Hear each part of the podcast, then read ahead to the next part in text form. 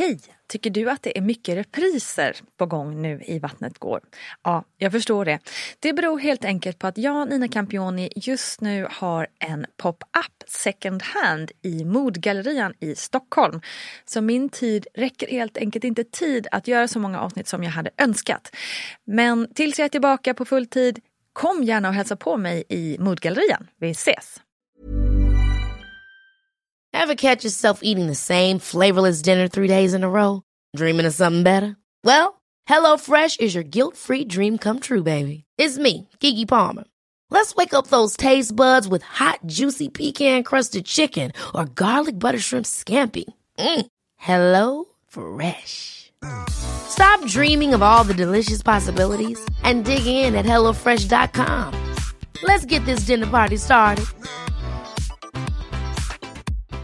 Hi, I'm Daniel, founder of Pretty Litter. Cats and cat owners deserve better than any old-fashioned litter. That's why I teamed up with scientists and veterinarians to create Pretty Litter. Its innovative crystal formula has superior odor control and weighs up to 80% less than clay litter. Pretty Litter even monitors health by changing colors to help detect early signs of potential illness. It's the world's smartest kitty litter. Go to prettylitter.com and use code ACAST for 20% off your first order and a free cat toy. Terms and conditions apply. See site for details. Imagine the softest sheets you've ever felt. Now imagine them getting even softer over time. That's what you'll feel with Bowl and Branch's organic cotton sheets. In a recent customer survey, 96% replied that Bowl and Branch sheets get softer with every wash. Start getting your best night's sleep in these sheets that get softer and softer for years to come. Try their sheets with a 30-night guarantee. Plus, get 15% off your first order at bowlandbranch.com. Code BUTTERY. Exclusions apply. See site for details. Wow. Nice. Yeah. What you're hearing are the sounds of people everywhere putting on Bombas socks, underwear, and t-shirts made from absurdly soft materials that feel like plush clouds. Yeah, that plush. And the best part? For every item you purchase, Bombas donates another to someone facing homelessness. Bombas. Big comfort for everyone. Go to bombas.com slash ACAST and use code ACAST for 20% off your first purchase. That's bombas.com slash ACAST. Code ACAST. Kära lyssnare, nu är vattnet går här igen med ett nytt avsnitt där vi som vanligt pratar om graviditet och förlossningar. Och som vanligt heter jag också Nina Campioni. Lite ovanligt är det dock idag för nu har jag med mig en riktigt cool tjej här i studion. Nämligen Johanna Nyrén. Och hon är ingen mindre än en dola. Och ni är rätt många lyssnare faktiskt som har uttryckt eh, nyfikenhet kring just det här med dolaskap och hur det funkar. Så då tänker jag att vi ska prata mycket och länge om just detta och det gör vi faktiskt just nu.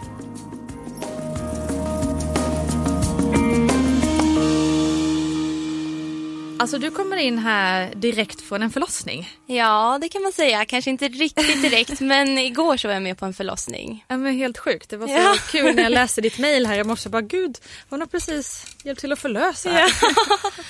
Berätt, kan vi, vi får nästan, måste nästan prata om det direkt. Där. Ja, eh, jo men jag har haft jour nu då, för det, det funkar så när man är doula att man har jour alltid två veckor innan beräknat datum och sen till, fram tills bebisen är född. Och då är jag då redo att rycka in när som helst i princip. Eh, så då ringde de då i onsdags kväll och då hade vattnet gått. Eh, och eh, jag gjorde mig lite redo. Och sen kom jag in på morgonen då på förlossningen. Och det var en väldigt snabb förlossning den här gången så att jag hann vara med två timmar. Okej. Eh, men det var jättefint och det var en andragångsföderska som hade haft en ganska jobbig upplevelse första gången och som eh, fick sin revansch. Skönt. Ja, så det kändes jättefint. Och var det med. då därför, alltså, nu ska vi inte prata om henne för mycket så, men Nej. just ehm, att hon hade haft en tuff upplevelse, var det därför hon eh, sökte sig till dig? Ja, precis. Det, vi, möter, alltså, vi möter både folk som liksom är rädda från början eller kanske också är väldigt pålästa och vet hur förlossningsvården funkar och vill skapa de bästa förutsättningarna för att få en bra upplevelse. Och kan ha läst mycket om vad en doula är och sådär. Och sen även då folk som har fött barn innan och som, som har jobbiga upplevelser i bagaget och känner sig liksom rädda eller ja, men behöver bearbeta det lite och sen också vill ha mer stöd andra gången. För ibland när man går in i en förlossning så, så kan det, eller så kände jag i alla fall som har två barn, att första gången så vet man ju inte riktigt vad, vad som väntar en. Man är nästan lite, jag vill inte säga naiv, men man är lite sådär. Jag var supernaiv. Ja, Absolut. Trots att jag hade läst på så var ja, jag bara "Äsch." ja men det var jag också sådär. Och då kanske man inte ser behovet av doula på samma sätt Nej. första gången. Och sen andra gången, men gud liksom det här. Det här vill jag, jag vill ändra förutsättningarna runt omkring för att liksom Mm. skapa en bra upplevelse. Och, och igår då, liksom, nu gick det ganska fort, men hur, hur alltså i liksom, rummet, vad, vad, vad gjorde du igår till exempel? Jo men när jag kom så eh, var hon 3-4 centimeter öppen eh, och verkarna hade inte helt kommit igång och de ville av olika anledningar att det skulle komma igång. Så hon fick verkstimulerande då. Eh, och det första, jag, alltså jag jobbar ju jättemycket utifrån en bok som heter Föda utan rädsla. Just det. Den har vi Eh, pratat om ganska många Ja, gånger. Mm. men det har jag hört också. Så då vet ni lite de här fyra. Att det är avslappning, andning, röstens kraft och tankens kraft som man använder sig av. Så det är väldigt mycket, dels hands-on, att liksom jag kan trycka på olika ställen på kroppen, det har jag Mm. lärt mig, för att eh, smärt, eh, ja, smärtlindra. Eh, det är både på huvudet, nu visar jag här, det är ingen som kan se, men huvudet, höfterna. Det kan vara jätteskönt att bli jordad i golvet faktiskt, att någon liksom håller fötterna Som stadigt. trycker ner dem lite. Mm, Precis. Och sen jättemycket att jag guidar i varje verk när det finns behov av det. Eh, att jag, då, då guidar jag utifrån de här, eh, de här redskapen som finns i eh, Född rädsla. Så det är väldigt mycket att jag påminner om avslappningen hela tiden och väldigt tung, tung, ner, ner. Och hela tiden nästan. Och släpp axlarna, släpp käken. Så det gör jag nästan. Du alltså- ändrar helt eh, hur du pratar där. Det är ju Ja, också ja, intressant. Vilken ja. helt annan röst. Ja, för när du går in i ett förlossningsrum så dels du behöver sänka rösten, du behöver sänka tempot. Jag är annars en person som är ganska sådär kvick, alltså i hur jag pratar och så. Men, men man går in i ett helt annat liksom här och nu lugn när man är på en förlossning. Så det, ja, det är häftigt. Och sen så det här med vad man gör i ett förlossningsrum, alltså behoven kan ju se så olika ut. En förlossning jag var med på, där var kvinnan så otroligt i sig själv och hade kanske inte det här behovet av min guidning hela tiden. Men hon tyckte om att, jag, jag märkte att hon ville liksom se min blick och få bekräftelsen. Eh, och jag jobbar jättemycket med att liksom stärka och för beröm behöver man ju alltid liksom. Det går jättebra. Du är helt fantastisk. Alltså man vill ju Ja. höra det när man Ja. är i en sån skör situation som det är. Att någon, någon annan också, de runt omkring tror på en. Det är jätteviktigt. Och bara se och liksom bekräfta att ja, det är jättejobbigt. Men du är helt fantastisk och vi har kommit så här långt nu och så, och så vidare. eh, och även kan jag ge lite sådär, ja men lite smårådgivning när det gäller om sjukhuset tycker en sak så kanske vi kan, jag kan ha ett annat perspektiv också så kan man diskutera lite med paret också. Hur man tänker och sådär.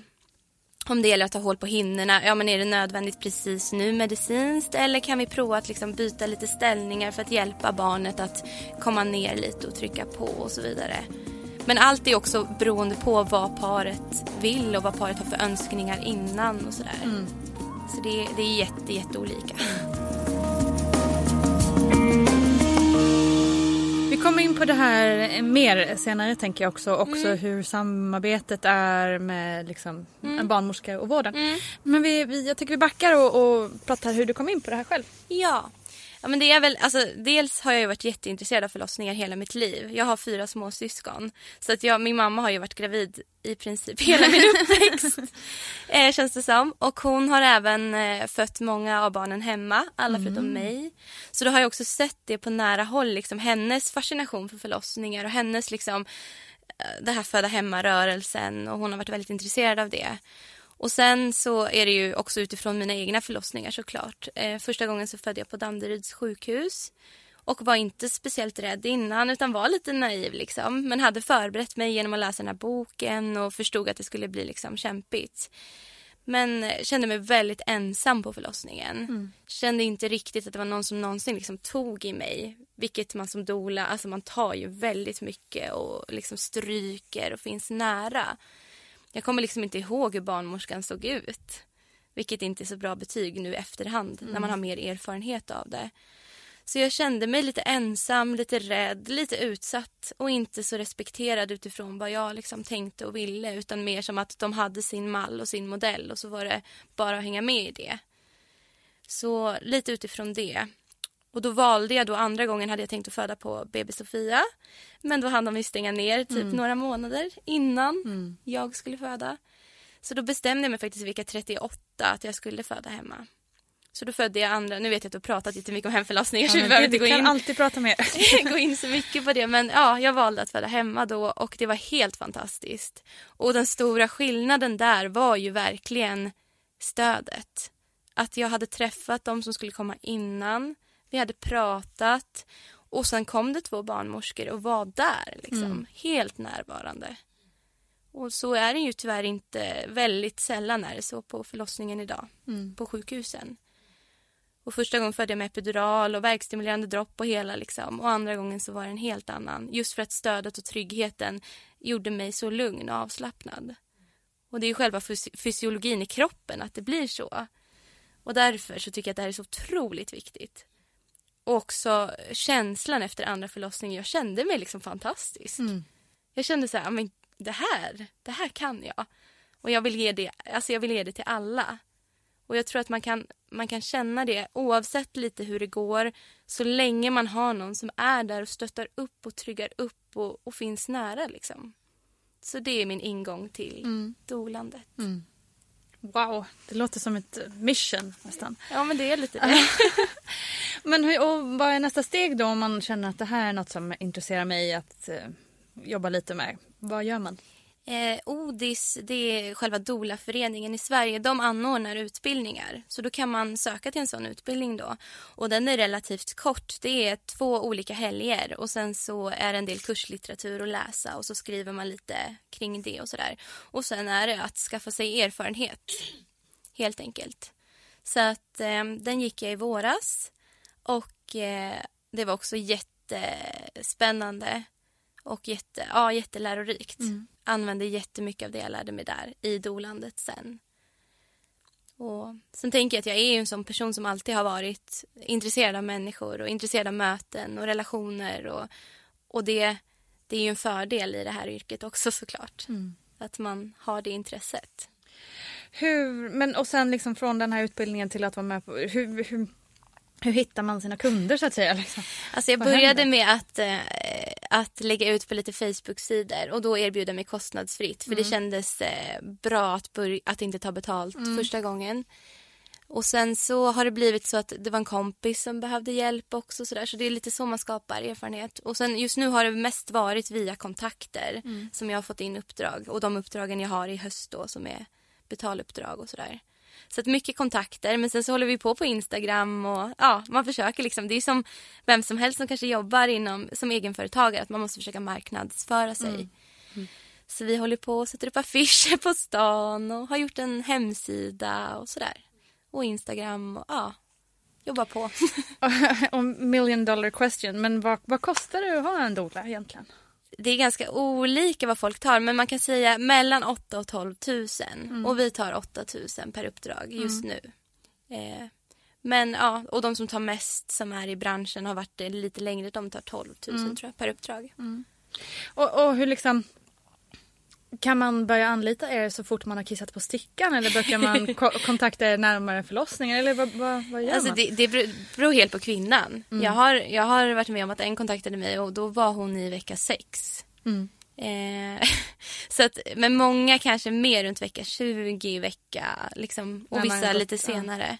Så det är jätteolika beroende på kanske hur rädd man är. Att man känner så här, nej men gud nu är det så här. Nu måste jag liksom trygga upp det här Mm. inför. För annars så kommer jag dö av oro under hela graviditeten. Och vissa kanske mer kanske hört talas om det på omvägar eller hör om någon som har fött med dola och, och så blir det att de hör av sig då och sådär. Är det ofta så att man är rädd som gör att man... Eh, Jag tycker nästan att det är 50-50 faktiskt. Eh, nu har jag två par här i höst som, bo, som inte alls är liksom oroliga eller rädda men mer hört om fördelarna och vill verkligen liksom säkra sin förlossningsupplevelse lite grann om man ska uttrycka sig så. Och vill skapa de bästa förutsättningarna för trygghet och stöd. Men kan ni ge några garantier liksom? Nej, självklart Nej, inte. exakt. Nej, aldrig några garantier. Men jag tänker ju jättemycket att oavsett vad som händer, för det finns ju så mycket vi inte kan förutse under en förlossning, Mm. så, så har du någon som är med hela tiden, även om det händer någonting som man inte har tänkt eller som är oförutsägbart, så kommer ändå den upplevelsen underlättas av att du har någon som är med där hela Mm. tiden och stöttar upp. Och om det skulle bli ett urakut kejsarsnitt, ja men då är vi två liksom. En kan vara med mamman hela tiden och på uppvaket och om det skulle behövas. Och det blir en helt annan, inte känsla av ensamhet.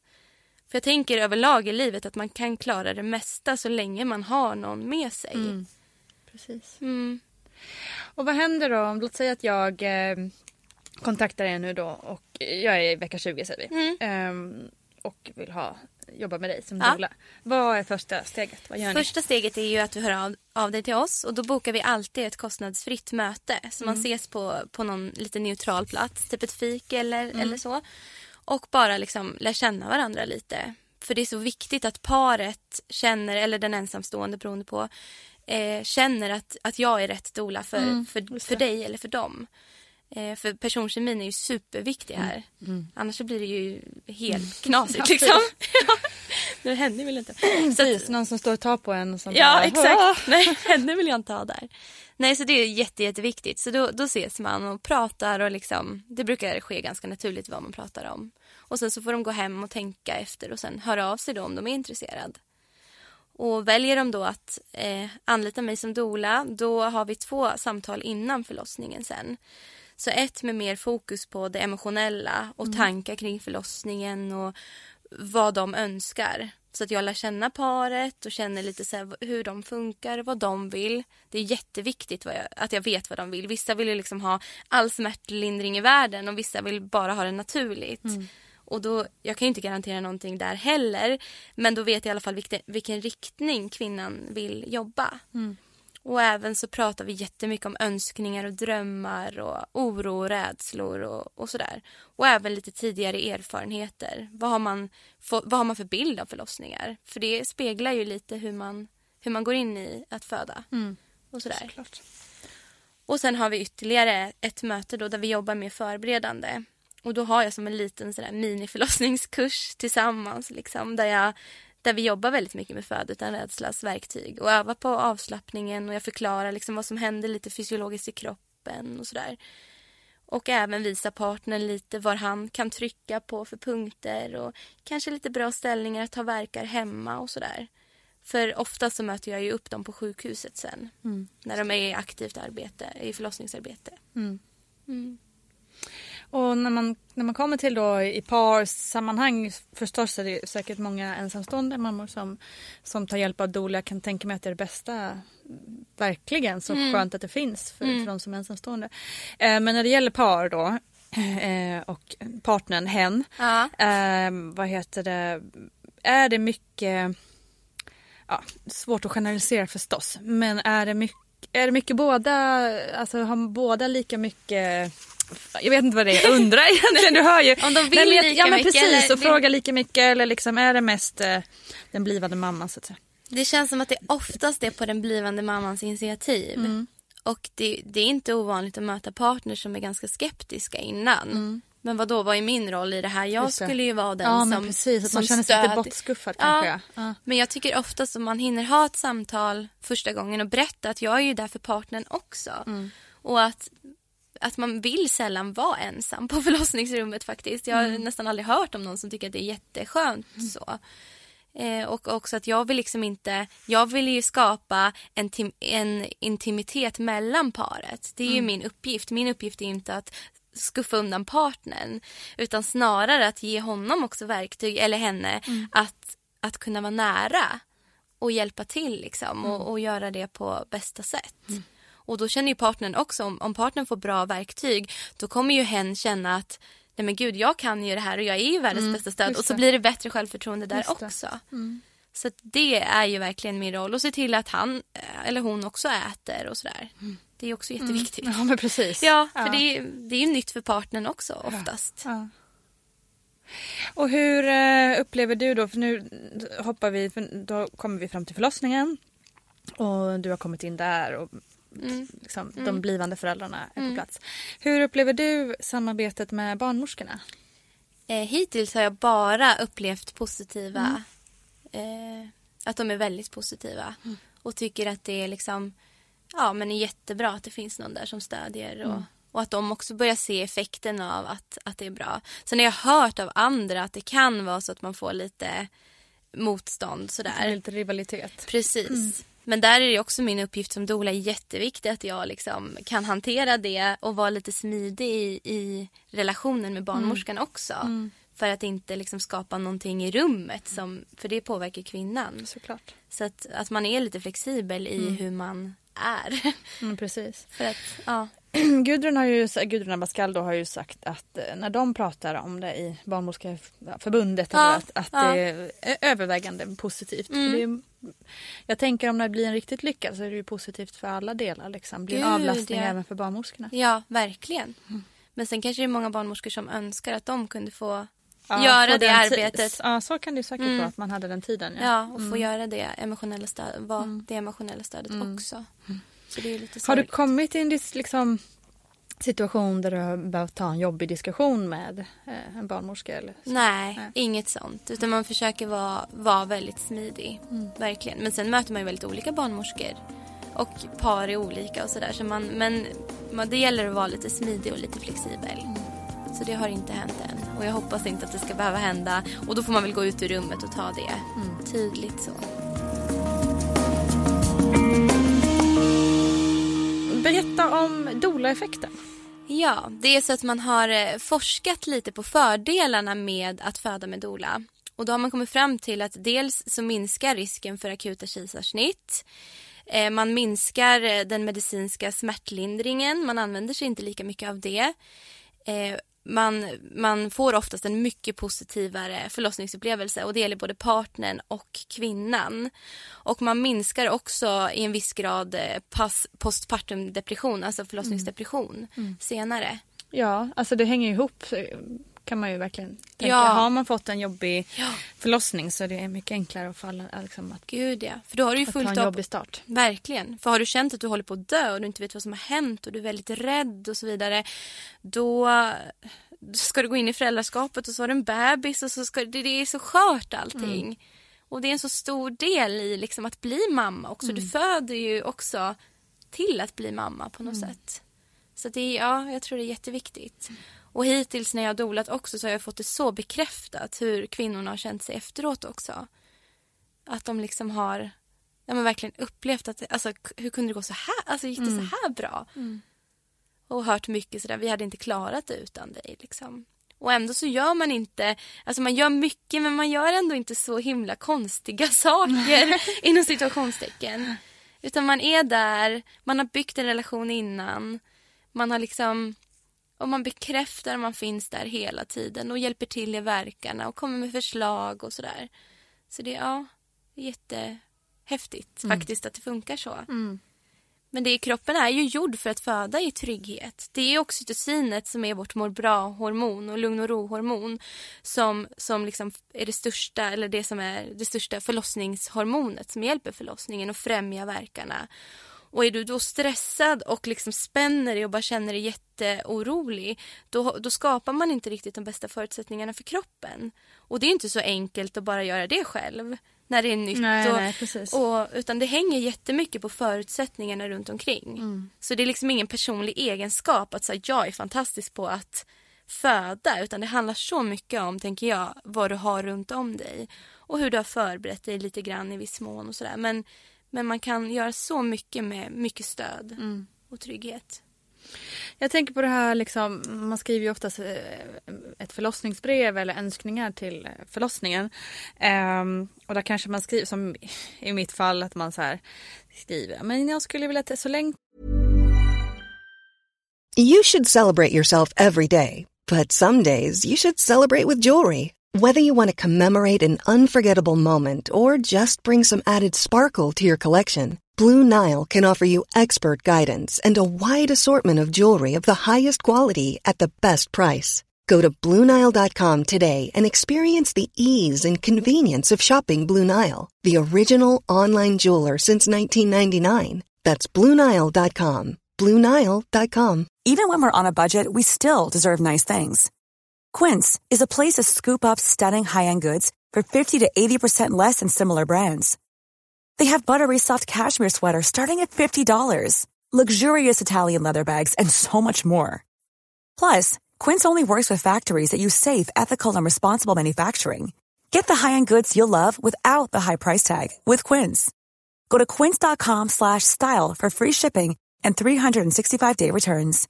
Imagine the softest sheets you've ever felt. Now imagine them getting even softer over time. That's what you'll feel with Bowl and Branch's organic cotton sheets. In a recent customer survey, 96% replied that Bowl and Branch sheets get softer with every wash. Start getting your best night's sleep in these sheets that get softer and softer for years to come. Try their sheets with a 30-night guarantee. Plus, get 15% off your first order at bowlandbranch.com. Code BUTTERY. Exclusions apply. See site for details. A lot can happen in the next three years. Like a chatbot may be your new best friend. But what won't change? Needing health insurance. United Healthcare Tri Term Medical Plans are available for these changing times. Underwritten by Golden Rule Insurance Company, they offer budget friendly, flexible coverage for people who are in between jobs or missed open enrollment. The plans last nearly three years in some states, with access to a nationwide network of doctors and hospitals. So, for whatever tomorrow brings, United Healthcare Tri Term Medical Plans may be for you. Learn more at uh1.com. Since 2013, Bombas has donated over 100 million socks, underwear, and t shirts to those facing homelessness. If we counted those on air, this ad would last over 1,157 days. But if we counted the time it takes to make a donation possible, it would take just a few clicks. Because every time you make a purchase, Bombas donates an item to someone who needs it. Go to bombas.com slash ACAST and use code ACAST for 20% off your first purchase. That's bombas.com slash ACAST, code ACAST. Så länge det går utan smärtstillning och sen så bara ah ge mig. Ja. Eh, och jag tänker lite liknande i ert fall att man diskuterar en strategi och hur man vill ha det och hur man tror och sen så blir det något helt annat när Ja, man är på plats. Mm. Verkligen. Eh, och det, jag brukar alltid säga det, för ibland kan man träffa par då som är så här, nej men vi vill inte ha någon epidural utan vi vill undvika det och sådär. Men då brukar jag alltid säga att, att det är bra också att vara då vet vi vad vi ska sträva efter och jag kommer såklart jobba med dem så långt det känns bra för dem. Och det kommer vara min liksom, drivkraft också då om, om det är det de önskar. Men att inte låsa sig fast för mycket så att det inte blir en besvikelse i det. Att nej fan, oj man kanske inte får svära. Jag tror man får svära hur mycket man vill i den här podden. Eh, Jag bara, nej men fan jag skulle ju inte tagit den där epiduralen och det blir, det blir så misslyckat just på grund av det fast det kanske hade jättepositiva effekter för förloppet. För alla förlossningar är så olika. Ibland så startar det liksom alltså, tidigt på kvällen och du får ingen sömn och det kanske är jättelång latensfas och vissa går snabbt. Ja, det är så olika. Så att, att man inte är för liksom sådär. Fast vid den sak. Ja, så att inte det blir besvikelsen sen på något sätt. Men såklart önskar man det så vill jag ju följa paret så långt det går också. Och ofta så går det jättebra också. Men att man inte är för liksom. Mm, det är viktigt. Det är nog smart överlag. ja. Jag upplever att eh, allt fler eh, ställer frågor kring och, Mm. och liksom undrar lite och känner sig nyfikna på det här. Är det en högre efterfrågan? Jo men det tycker jag absolut. Nu är jag relativt ny så jag vet ju inte hur efterfrågan har varit innan. Men det känns som att många har koll på liksom vad en doula är, vad en doula gör. Och att just framförallt i Stockholmsregionen då, att här har det blivit väldigt mycket prat är det en om det. trendgrej också tror du? Eller? Att Ja man- men lite kanske och också på grund av att media, alltså det har ju lyfts upp mycket om förlossningsvården och hur den faktiskt ser ut i Stockholm. Och den otryggheten eh, matas ju folk med också. Att man kanske inte får plats och det är stressigt och det har ju blivit väldigt upplyft de senaste åren. Eh, så att jag, jag tror verkligen att det inverkar också på att folk vill ta saken lite i egna händer på ett annat sätt och sådär skapa sina förutsättningar. Jag tror, det känns verkligen som att efterfrågan ökar och också fler som utbildar sig till doulor också. Eh, det är fler som söker utbildningen och sådär. Så att många vill bli doulor också. Du arbetar ju inte som doula på heltid. Nej, det stämmer. Eh, och hur funkar det då liksom? Tänk om det, alltså, jag tänk, för du pluggar också, du sitter och Ja. skriver tenta och så Ja. går vattnet liksom. Ja. Vad, händer, vad händer? Eh, nej men dels så försöker jag, nu försöker jag styra mina uppdrag så att det inte är så att, alltså är det en tenta och någon är, håller, jag har jour just den perioden så kanske jag inte tar en kvinna då eller så struntar Ja, jag i tentan eller Mm, så. mm. Eller så. Men sen så, vi samarbetar ju tre stycken så att vi kan hjälpas åt att täcka upp för varandra. Mm, så det är smart. jag, Maddi och Gamse. Och vi eh, hjälps då åt. Dels är det jätteskönt att ha liksom ett litet gäng att Mm. dela med. Mm. Man, kan, man utvecklas ju jättemycket av det också, kompetensmässigt så. Mm. Och också är det jättebra ifall något oförutsägbart skulle hända. Om man blir jättesjuk är det svårt att åka in och Mm. sådär. Och då vet man att man har några som man verkligen litar på och är trygg med. Mm. Som också kan täcka upp för en. Så, så, så jobbar vi alltid. Men säger du då till det här, liksom, den, de blivande föräldrarna som du har Mm. att, eh, om, alltså, att de känner till Ja. de här andra två? Liksom. Jo precis. Och är det så, det är inte alltid de får träffa de andra två. Eh, om det inte är så att jag vet att jag ska vara borta eller kanske att vi har några stycken uppdrag en månad Just så att det. det kan bli lite mer troligt att de Mm. behöver föda med en annan. Så då, då träffas de alltid och då är vi två på första samtalet. Mm. Men är det så att det, jag bara kanske har en kvinna en månad och det, då, då brukar det bara vara jag och sen Mm. så har det hittills inte hänt att jag inte har kunnat liksom. Mm. Utan man släpper ju allt Mm. Och är redo. Mm. För man vill ju vara med liksom. Man vill inte missa när man har byggt upp så mycket tillsammans. Och en relation och sådär. Då känns det jättefint att, att få vara med.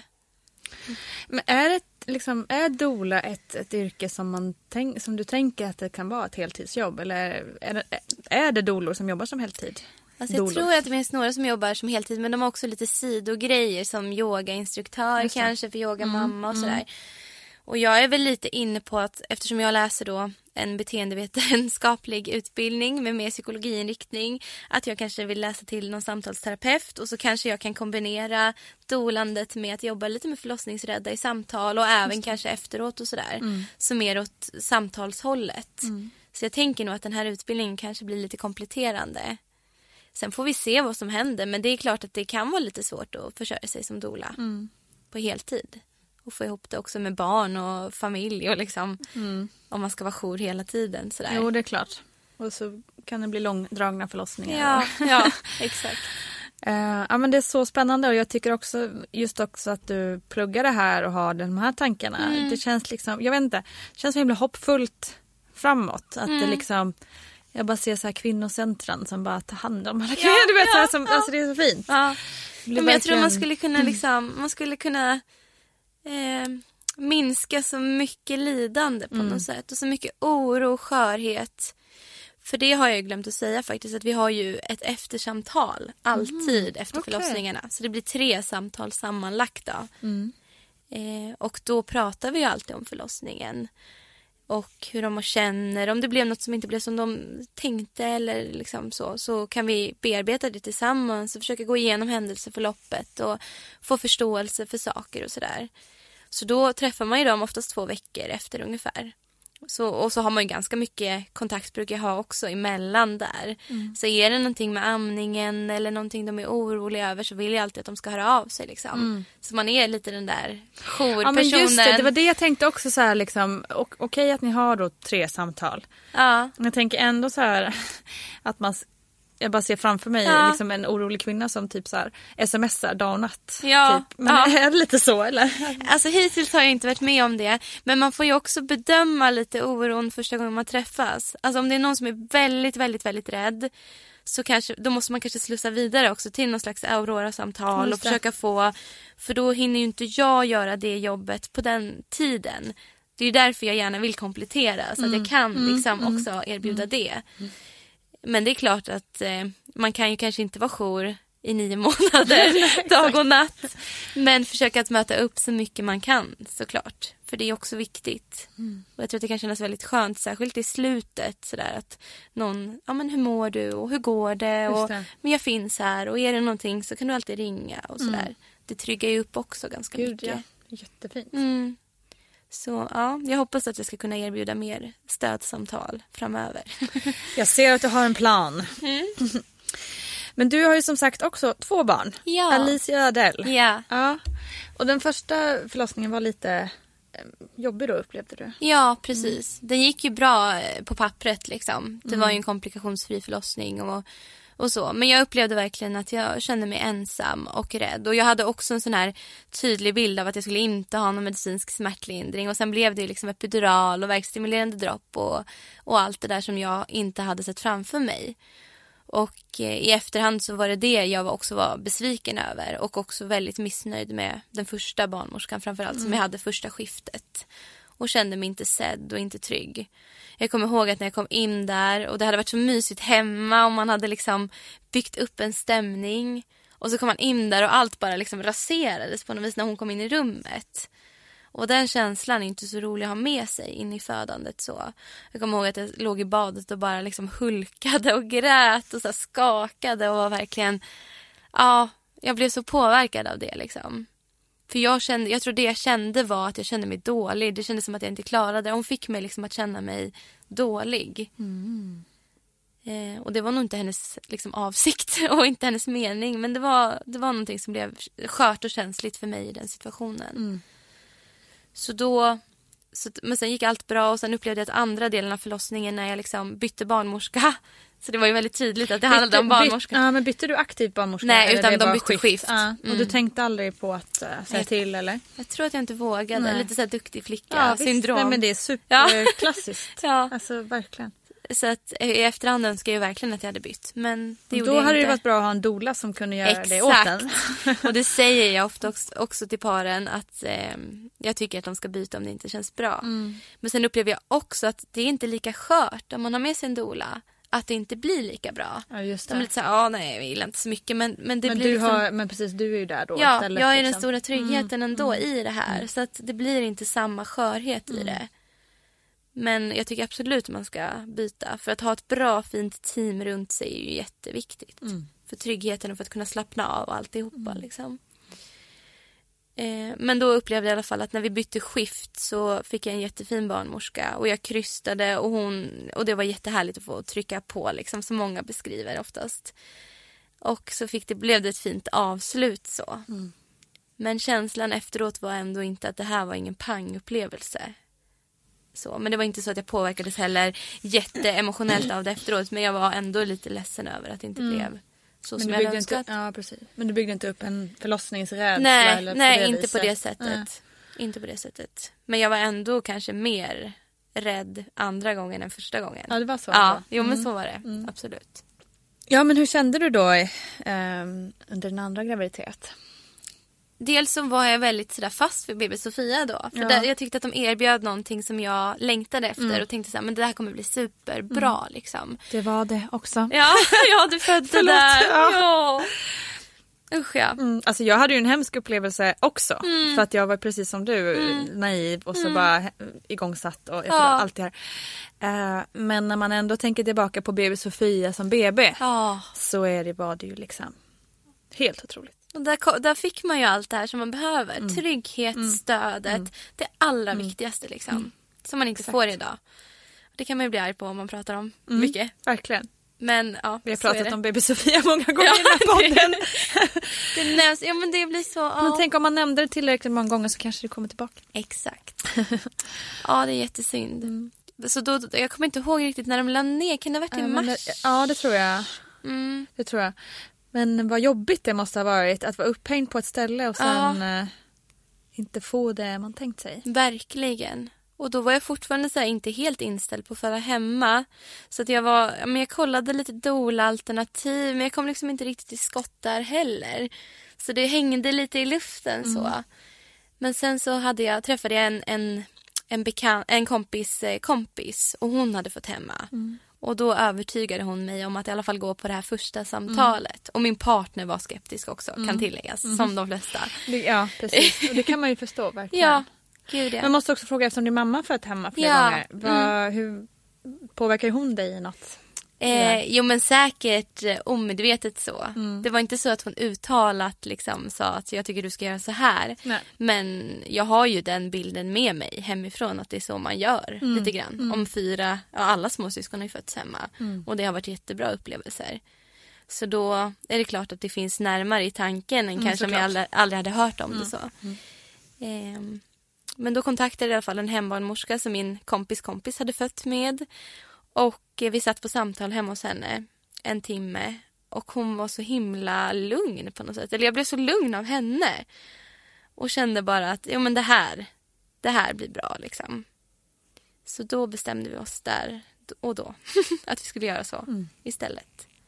Coolt. Mm.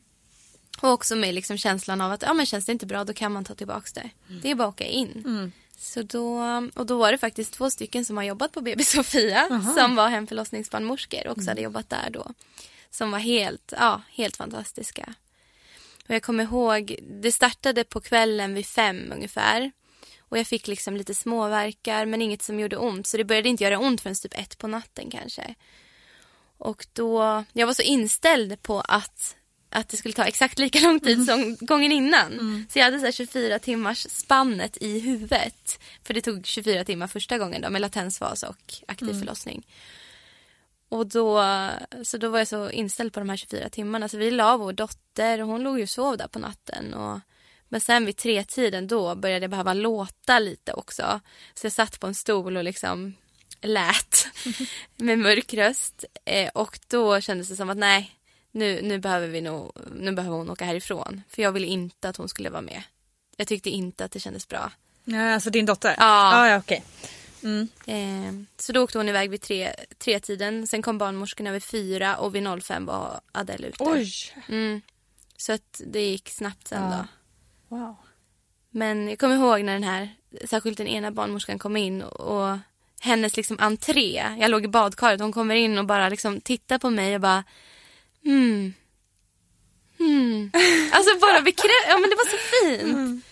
Det har följt med mig jättemycket in i dolandet också. Hur det här att någon bara ser på en och liksom ja men där är du och så här har du det just nu. Om man också är mottaglig för det och inte in i någon stressreaktion såklart. Och så. Det var så, ja. Ja, det var jättefint. Häftigt. Mm. Men födde du i vattnet? Nej, jag gjorde inte det. Jag hade nog tänkt det innan men jag blev obekväm efter ett tag att ligga liksom och Mm. sådär. Så då födde jag på vardagsrumsgolvet på en madrass. ja. Ja, Hur det var det jättefint. då? Ja, men det, var, ja, det var så fint. Jag kommer ihåg att jag sa när bebisen liksom låg med huvudet i den här burning fire, eller vad heter Mm. det? Ring, Mm. ring of fire. Ring of fire. Ehm, att jag liksom, åh, det är så lätt att föda barn. det var så... Men jag var så med liksom. Jag var så i kontroll fast jag ändå såklart hade ont och så.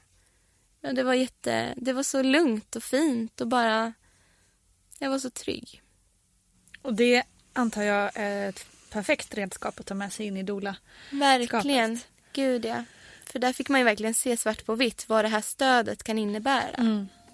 Det, jag, jag tror så mycket på det. Liksom, Att det är det som är avgörande väldigt mycket också. Mm. För hur man känner och hur det blir och sådär. Att man kan påverka en viss del av förloppet i alla fall. Genom att stötta upp och trygga upp. Och hjälpa kroppen att, att få de bästa förutsättningarna för att föda. Om man nu då är nyfiken på det här att, att jobba med en doula. På vilket sätt ska man själv förbereda sig inför liksom, första mötet med er, tänker jag? Ehm, man behöver inte förbereda sig mycket alls, tänker jag. Jag tycker man kan komma som man är med det man har på något sätt. Och sen brukar jag oftast liksom rekommendera paren att läsa Född utan rädsla innan Mm. och att aktivt läsa den tillsammans. För då har de också väldigt bra förutsättningar in sen. Men sen kanske det inte alla som vill göra det och då är det okej också. Utan då gör vi kanske lite små övningar. Det är ju så olika det där hur pass liksom rädd man är kanske och hur intresserad man är eller hur mycket man... Alltså vissa tänker ju kanske inte att det här hjälper så mycket det här med andningen och så. Ja men det beror helt på liksom vilket par man möter. Men jag brukar alltid nämna den boken och säga att det är, det är en bra liksom, förberedelsegrund att ha. Får du arvode på den här boken? Nej tyvärr, jag önskar att jag fick det för jag nämner den väldigt ofta. Exakt. Jag bara, jaha. Ehm, Ska vi säga det igen? Ja, precis. Jag tänkte också, vet du om det finns liksom doulor över hela Sverige? Det finns det tror jag men det är väl glesare. Jag ska inte uttala mig för mycket. Jag vet att det finns i alla fall på andra ställen. Mm. Men, men jag vet inte i Norrland kanske det finns typ en Mm. och vad i Norrland och om Mm, det är typ. det. Ja, så att, och på Gotland tror jag det finns en. Mm. Men det är ju väldigt centrerat till Stockholmsregionen. I Malmö finns det nog en del och i Göteborg och så. Mm. Men lite dålig koll på exakt. Mm, ja, men det förstår Ja. jag. Men det är just intressant utifrån att eh, ja, men kanske framförallt norrut att där kanske det skulle vara extra Ja, bra att ha Mm. med tanke på att man har långt att åka verkligen. Avstånden. Mm. Ja, men det kan, ju- kan ju också det kan vara nästa business för dig då. Ja. Att öppna, öppna praktik där uppe. Ja, precis. Jag får flytta dit. Ja. Ja. Ja, men jätte, jätteroligt att ha dig här. Mm, eh, viktigt jättekul. ämne. Mm, verkligen. Jag känner på att säga någon sån här valslogan. Framåt, exakt. ljusa framtiden vår typ. Kanske starta parti. Ja, Ja, men exakt. Dola-partiet. ja. Mm. Nej men det känns, ja, det känns jätteviktigt. Att så här, och har man kanske inte råd att, att eh, betala en doula, för det, det är ju en sån där grej som man kan Mm, känna att vad synd att det är en kostnadsfråga. Precis, att det ska bli en här överklassgrej. Typ. Exakt. Mm. Och vi kan väl ibland sådär, det, det går ju alltid att lösa lite på olika sätt. Eh, jag tycker inte man ska vara helt fast vid priset. Man kan Nej. kanske köra på avbetalning Mm. eller men har man inte liksom möjlighet alls så, så dels så finns det nyutbildade doler som ofta tar uppdrag Mm. och det kan man ju liksom söka på i olika grupper kanske och man, man kan höra av sig till Odis tror jag Mm. och även till oss om man vill, vill det så kan vi försöka förmedla vidare till någon som är nyutbildad. Eh, men också kanske att man tar med sig någon annan då som man Just är trygg med. Mm. Någon, någon mamma eller syster eller eh, om man inte har den möjligheten så. Precis, det är ju jättebra för det, ju, det känns som väldigt svenskt att man bara ska vara Ja, minsta möjliga människor Mm. in i förlossningsrummet när man Verkligen. faktiskt kan ta med sig sin bästis eller den man litar på mest förutom sin partner. Eller om man Gud, inte ja. har någon partner. Utan här är det ju tre, fyra polare. Liksom. mm, ja gud ja. Ja. Och för det finns ju alltid saker att göra liksom. Mm. Ibland kan en kvinna vilja att man trycker på höfterna hela förlossningsarbetet och det kan ju vara skönt det. att kunna hjälpas åt. Och, ibland, och ibland så vill de kanske att man, man guidar hela tiden och, då, och att någon trycker. Sen kan det vara jätteskönt om det är många som trycker på massor av ställen på kroppen. Mm. Eh, det kan hjälpa jättemycket. Eller liksom bara se till att folk får äta eller ta bilder eller Mm. filma eller ja, men, trygga upp liksom. Och också brukar jag också rekommendera jättemycket folk som föder på sjukhus att ta med sig något hemmalikt. Äg rummet lite. Okej. Gör det lite mysigt liksom. Du ska ändå, det är en så viktig plats där du ska föda ditt barn. Och om då också den här tryggheten hjälper dig att föda bäst, att Ja. oxytocinet främjas och du känner dig lugn och trygg. Då kan man ju försöka ta med små, kanske någon kudde eller någon mysig filt eller lite bilder eller göra det liksom mysigt. Gud, aldrig tänkt på. Nej, Man tänker alltid att så här, sjukhusmiljön är liksom deras miljö så att säga Ja. och sterilt och så. Man ska Ja. inte... Det är ju jättebra Mm. tips. Nej, äg, äg rummet. Ja. Äg rummet, äg tankarna. Ja, exakt. Och, ja, läs på och liksom förbered er. Det är också ett bra tips. Lite grann. Mm. I den mån det går. Ta med en dola. Bra slutord. Ja, Tack så mycket. tack, tack. Tusen tack Johanna Nyrén som är då dola på dolorna.se. Alltså hur coolt är inte detta? Jag skulle verkligen, verkligen kunna tänka mig att eh, ringa Johanna om jag blev gravid igen. Det känns, eh, jag kände bara sån trygghet i hela studion med den här tjejen. Hoppas ni fick ut lika mycket av det här samtalet som jag. Hörni, vi ses på Instagram och vi hörs alldeles snart igen. Puss och kram! Producerat av Perfect Day Media.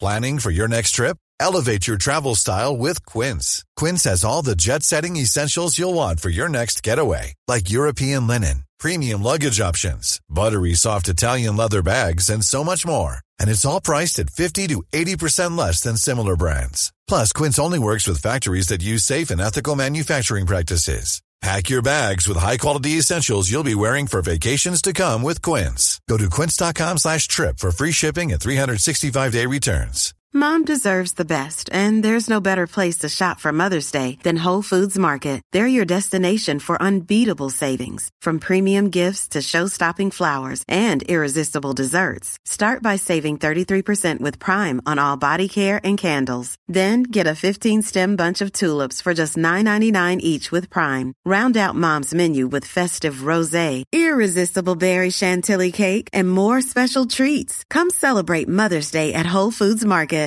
Imagine the softest sheets you've ever felt. Now imagine them getting even softer over time. That's what you'll feel with Bowl and Branch's organic cotton sheets. In a recent customer survey, 96% replied that Bowl and Branch sheets get softer with every wash. Start getting your best night's sleep in these sheets that get softer and softer for years to come. Try their sheets with a 30-night guarantee. Plus, get 15% off your first order at bowlandbranch.com. Code BUTTERY. Exclusions apply. See site for details.